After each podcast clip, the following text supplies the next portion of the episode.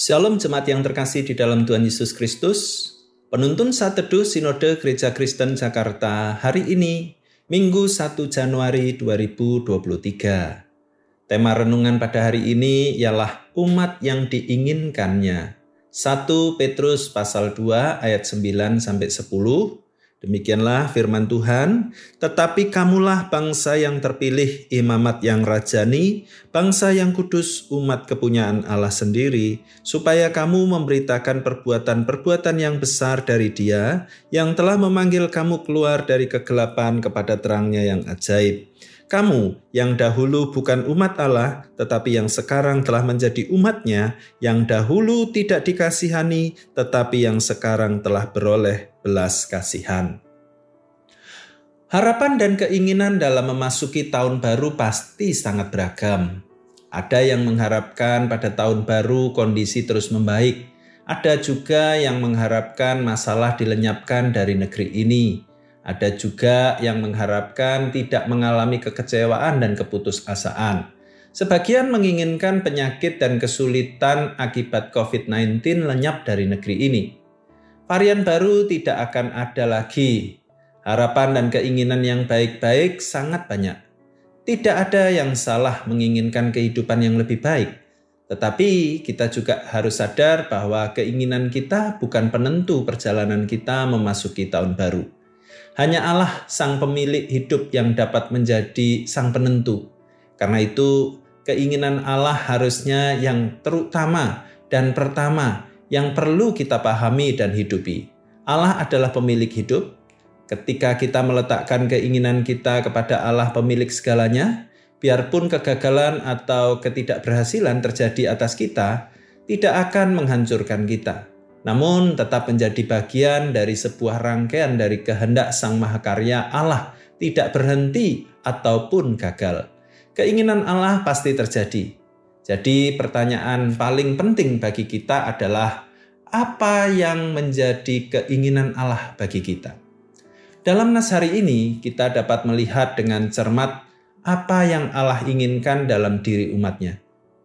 Allah menginginkan umatnya menyadari identitas dan sungguh menghidupi identitas itu. Ayat 19 dan 20.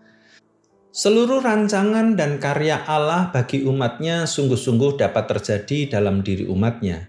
Allah menginginkan umatnya menyadari tentang pemilihan yang Allah lakukan tidak berdasarkan perbuatan baik mereka. Semua adalah karena anugerah Allah Respon umat pilihan adalah merendahkan diri di bawah kedaulatan dan kasih karunia Allah. Allah menyadarkan umatnya bahwa mereka adalah imamat yang rajani yang diberikan sebuah kesempatan untuk melayani Sang Raja. Semua diperoleh karena imam besar, Yesus Kristus, telah menyatakan diri bagi mereka. Allah menyadarkan umatnya bahwa mereka adalah bangsa yang kudus, bangsa yang terpisah dari dunia, hidup yang dipisahkan bagi dunia dan diberikan khusus kepada Allah, sehingga nilai dan cara hidupnya berbeda. Allah juga ingin umatnya menyadari bahwa mereka adalah umat kepunyaannya yang begitu berharga baginya dan begitu dekat dengan hatinya. Dan Allah menginginkan umatnya yang telah menerima identitas yang begitu besar dan agung itu.